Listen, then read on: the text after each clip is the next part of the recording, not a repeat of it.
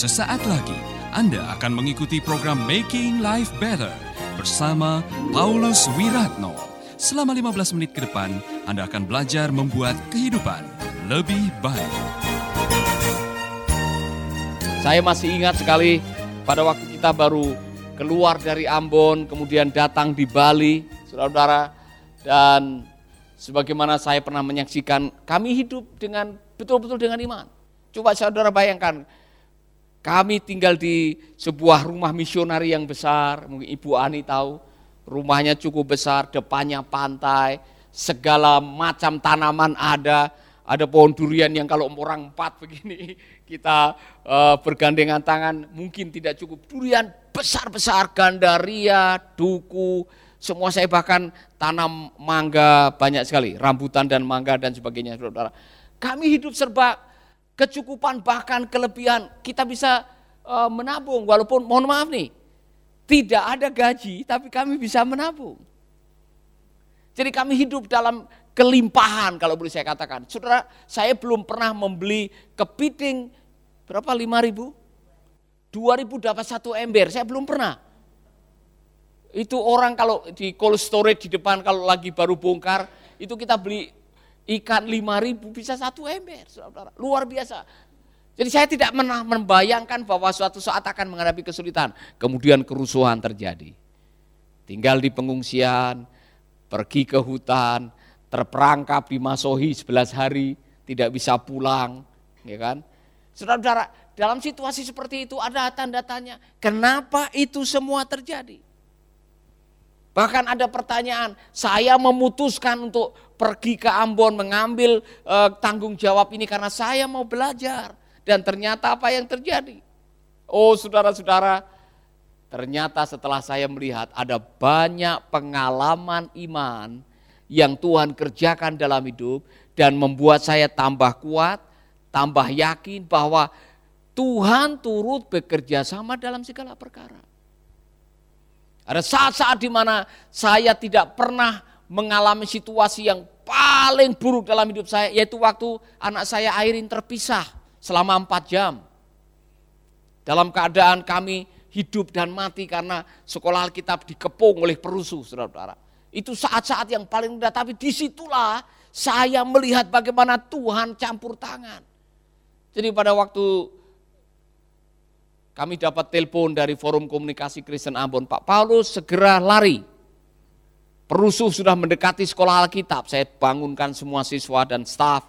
Saya bilang, pakai celana panjang, bawa baju secukupnya, semua tidur di kelas. Kalau terjadi apa-apa, kita semua lari sembunyi di hutan, karena depan laut. Tidak mungkin kita lari ke depan. Benar saudara, mungkin jam 1 atau jam 1.15 pagi-pagi kita mendengar suara keramaian, kemudian ada senjata meletus atau bom meletus, kemudian kami semua lari dalam keadaan panik. Istri menggendong Airin umur 4 tahun, saya menggendong Debbie umur 10 tahun pada waktu itu. Kami lari dalam keadaan panik, dia tidak bisa bergerak oleh karena gelap dan kami tidak izinkan orang menyalakan lampu. Karena ini hidup dan mati, saudara. Akhirnya apa yang terjadi? Kami jalan dalam kegelapan, gerimis lagi. Karena dia tidak kuat saya bilang tolong bawa airin atau tolong angkat airin gendong dan lari. Saya tidak tahu siapa yang menggendong, ada orang yang menggendong airin pergi langsung jalan. Nah saudara-saudara saya eh, pastikan setelah kita semua sampai di tengah hutan, jadi di belakang sekolah kita itu ada 11 hektar hutan, seperti hutan belantara. Saya pastikan semua masih hidup, ya kan? Saya absen semua masih hidup, semua masih ada. Kecuali ada dua, Airin dengan Joel. Nah saudara-saudara, pada waktu saya melihat Airin dengan satu mahasiswa tidak ada, saya merasa aduh ini ini hidup dan mati. Ini saat-saat kritis genting. Saudara-saudara sudah banyak orang yang mati di atas sana. Dan saya sebagai seorang ayah, ini saat-saat yang terburuk. Saya tidak ingin anak saya mati. Saya duduk di rumput, saya menangis. Saya berdoa Tuhan, saya ini memberikan hidup saya pindah ke sekolah Alkitab ini karena saya ingin belajar. Saya memberikan hidup saya untuk melayani di sini. Saya tidak ingin anak saya mati. Saudara-saudara, waktu saya berdoa, saya menangis. Roh Tuhan itu mengingatkan saya. Waktu kamu tidak tahu bagaimana berdoa, roh akan menuntun kamu berdoa. Saya berdiri, ini grimis nih. Saya tutup mata, saya berdoa dalam roh, saya berdoa, saya berdoa sambil mencari Arin karena tidak tahu ke mana. Tiba-tiba saya jatuh, jatuh duduk itu seperti prosotan dan saya mendengar di sana ada Airin sedang nangis. Saya bilang, Airin ini papa. Airin diam. Dia sudah berdarah-berdarah mukanya. Dan saya menemukan pelajaran yang tidak pernah saya lupakan dalam hidup. Dan itu menginspirasi hidup saya. Sisa hidup saya sangat ditentukan oleh apa yang saya alami itu. Terhilang adalah pengalaman buruk. Tetapi kalau kita punya anak dan anak kita terhilang, jauh lebih buruk. Being lost is bad. Saudara, tiba-tiba saya disadarkan, itulah sebabnya kenapa Yesus datang ke dalam dunia. Kenapa Allah mengirimkan anaknya yang tunggal? Karena Allah tidak mau seorang pun terhilang. Allah mau kita berjumpa dengan kebenaran. Saudara-saudara pengalaman itu yang akhirnya membuat saya di pengungsian dengan istri mengatakan sisa hidup kita, kita akan pakai untuk melayani Tuhan. Memberitakan kabar baik karena saya tahu betapa desperate, betapa hati kita susah waktu kita memiliki orang yang kita cintai dan orang itu terhilang. Karena begitu besar kasih Allah akan dunia ini sehingga ia apa? memberikan anaknya yang tunggal supaya barang siapa yang percaya kepadanya tidak binasa melainkan beroleh hidup yang kekal. Haleluya. Pengalaman yang luar biasa. Ini dari saya saudara bahwa aku tahu sekarang kau turut bekerja di dalam segala perkara. Saya kurang tahu kalau istri punya pengalaman-pengalaman pribadi peristiwa itu yang bisa meneguhkan apa yang saya katakan. Ibu Yeye Mari Ibu Yeye. Pasti Anda punya pengalaman, mari lihat. Apa saja pengalaman yang di dalam pengungsian yang membuat sampai hari ini kita tidak akan pernah melupakan. Ibu Yeye begini minta, saya yakin ada. Ya kan? Coba sambil berdoa dari situ jalan ke sini ada inspirasi dari Tuhan. Ya, ada sesuatu saudara-saudara, saya yakin. Pengalaman-pengalaman yang berikutnya, ini saudara bahwa Tuhan turut bekerja dalam segala perkara dan pertolongannya tepat waktu. Anda masih bersama Paulus Wiratno di Making Life Better. Dengar baik-baik. Tidak lama setelah itu, yang saudara saya memberikan gambaran sedikit. Kami tidur di sekolah taman kanak-kanak. Di pangkalan angkatan laut Halong. Itu pun karena kemurahan Tuhan. Saya kurang tahu siapa yang waktu itu kenal dengan kepala sekolah. Ya, Freddy. Karena pada waktu kita sampai di pengungsian itu sudah sore. Karena kita sudah pindah-pindah, saudara. Pertama di pangkalan angkatan darat, kemudian di rumah salah satu siswa di Paso. Kemudian kita sampai di pangkalan angkatan laut sudah penuh, lapangan sudah penuh. Kita ada di pinggir pantai. Saya tahu anaknya Pak Franz Mesak itu masih kecil waktu itu. Kalau kita terus tinggal di situ pasti ada yang sakit. Angin dari pantai plus mendung. Jadi saya bilang sama siswa, kita berdoa supaya ada mujizat. Tiba-tiba saudara-saudara ada yang mengatakan, saya kenal dengan bapak kepala sekolah TK itu. Saya bilang, tolong beritahukan bisa enggak kami memakai atau tinggal di dalam gedung TK itu. Nah, akhirnya percakapan demi percakapan sementara kami berdoa mereka ketemu diizinkan sampai sekolah itu dibuka. Nanti kalau sekolah itu dibuka kita harus keluar. Saya bilang tidak masalah. Saudara-saudara, waktu diizinkan saya mengatakan ini jawaban Tuhan. Langsung anak-anak, ayo bersihkan, dibersihkan. Kemudian kami masuk di uh, gedung TK, saya dapat ruang VVIP, yaitu di ruang kepala sekolahnya. Yang lain-lain di kelas yang mohon maaf kotor, kotor karena lama tidak kepake karena kerusuhan. Saudara-saudara, tapi saya bisa tidur di bawah, di tikar, di ruangan Eh, kepala sekolah, saya senangnya bukan main, saya bersyukur kepada Tuhan. Mungkin dalam hitungan menit hujan turun dengan deras. tiga hari. Apakah itu kebetulan? Tidak ada kebetulan di dalam kamusnya Tuhan. Dan Tuhan melakukan keajaiban demi keajaiban demi keajaiban demi keajaiban yang saudara-saudara saya masih ingat pertolongan Tuhan selalu tepat waktu dan tepat sasaran. Itulah yang saya sebutkan dengan rema. Dalam kesulitan Tuhan turut bekerja sama untuk mendatangkan kebaikan. Kebaikannya apa? Dapat pembelajaran. Amin. Saya masih menunggu ini Ibu Yeye mungkin sudah mendapatkan inspirasi ya. Mari ya.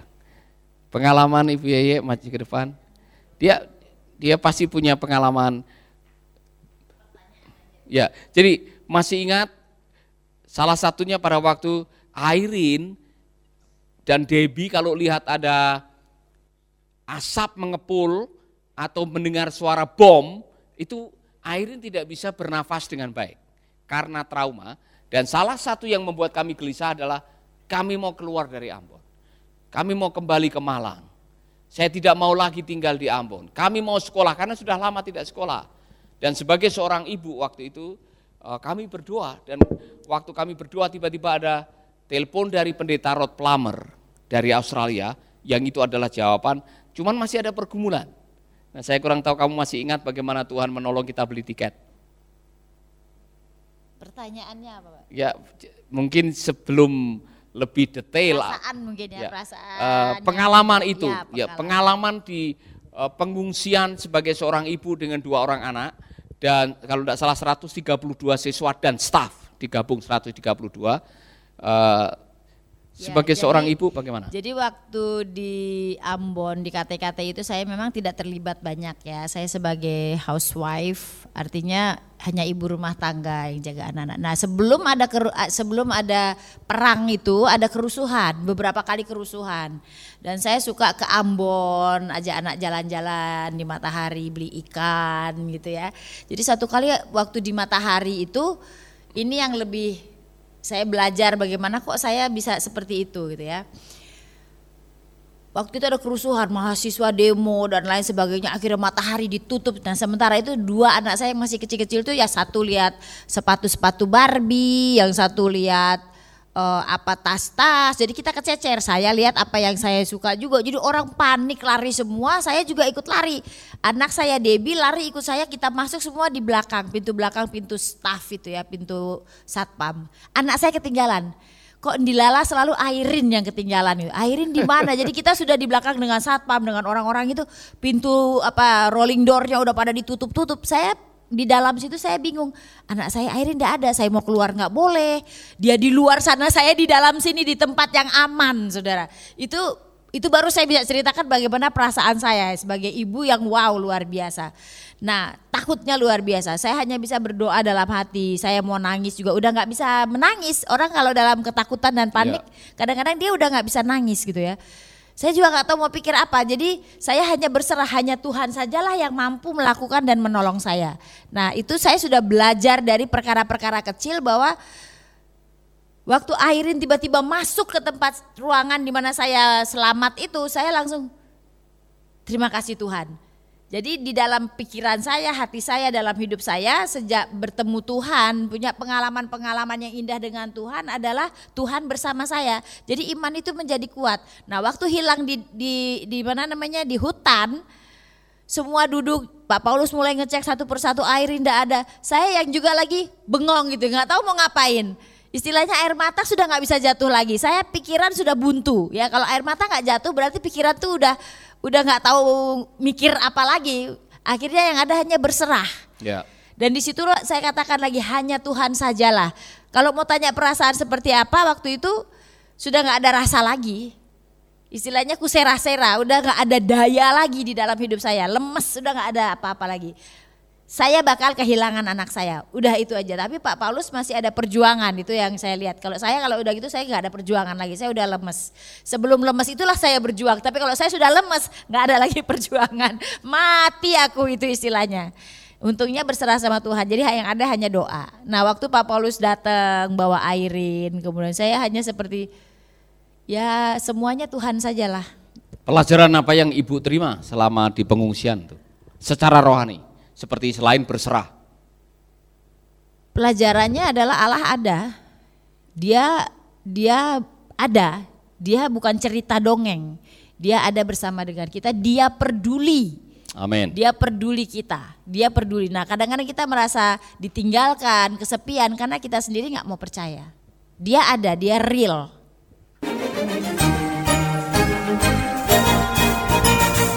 Sahabat, Anda baru saja mendengarkan Making Life Better bersama Paulus Wiratno.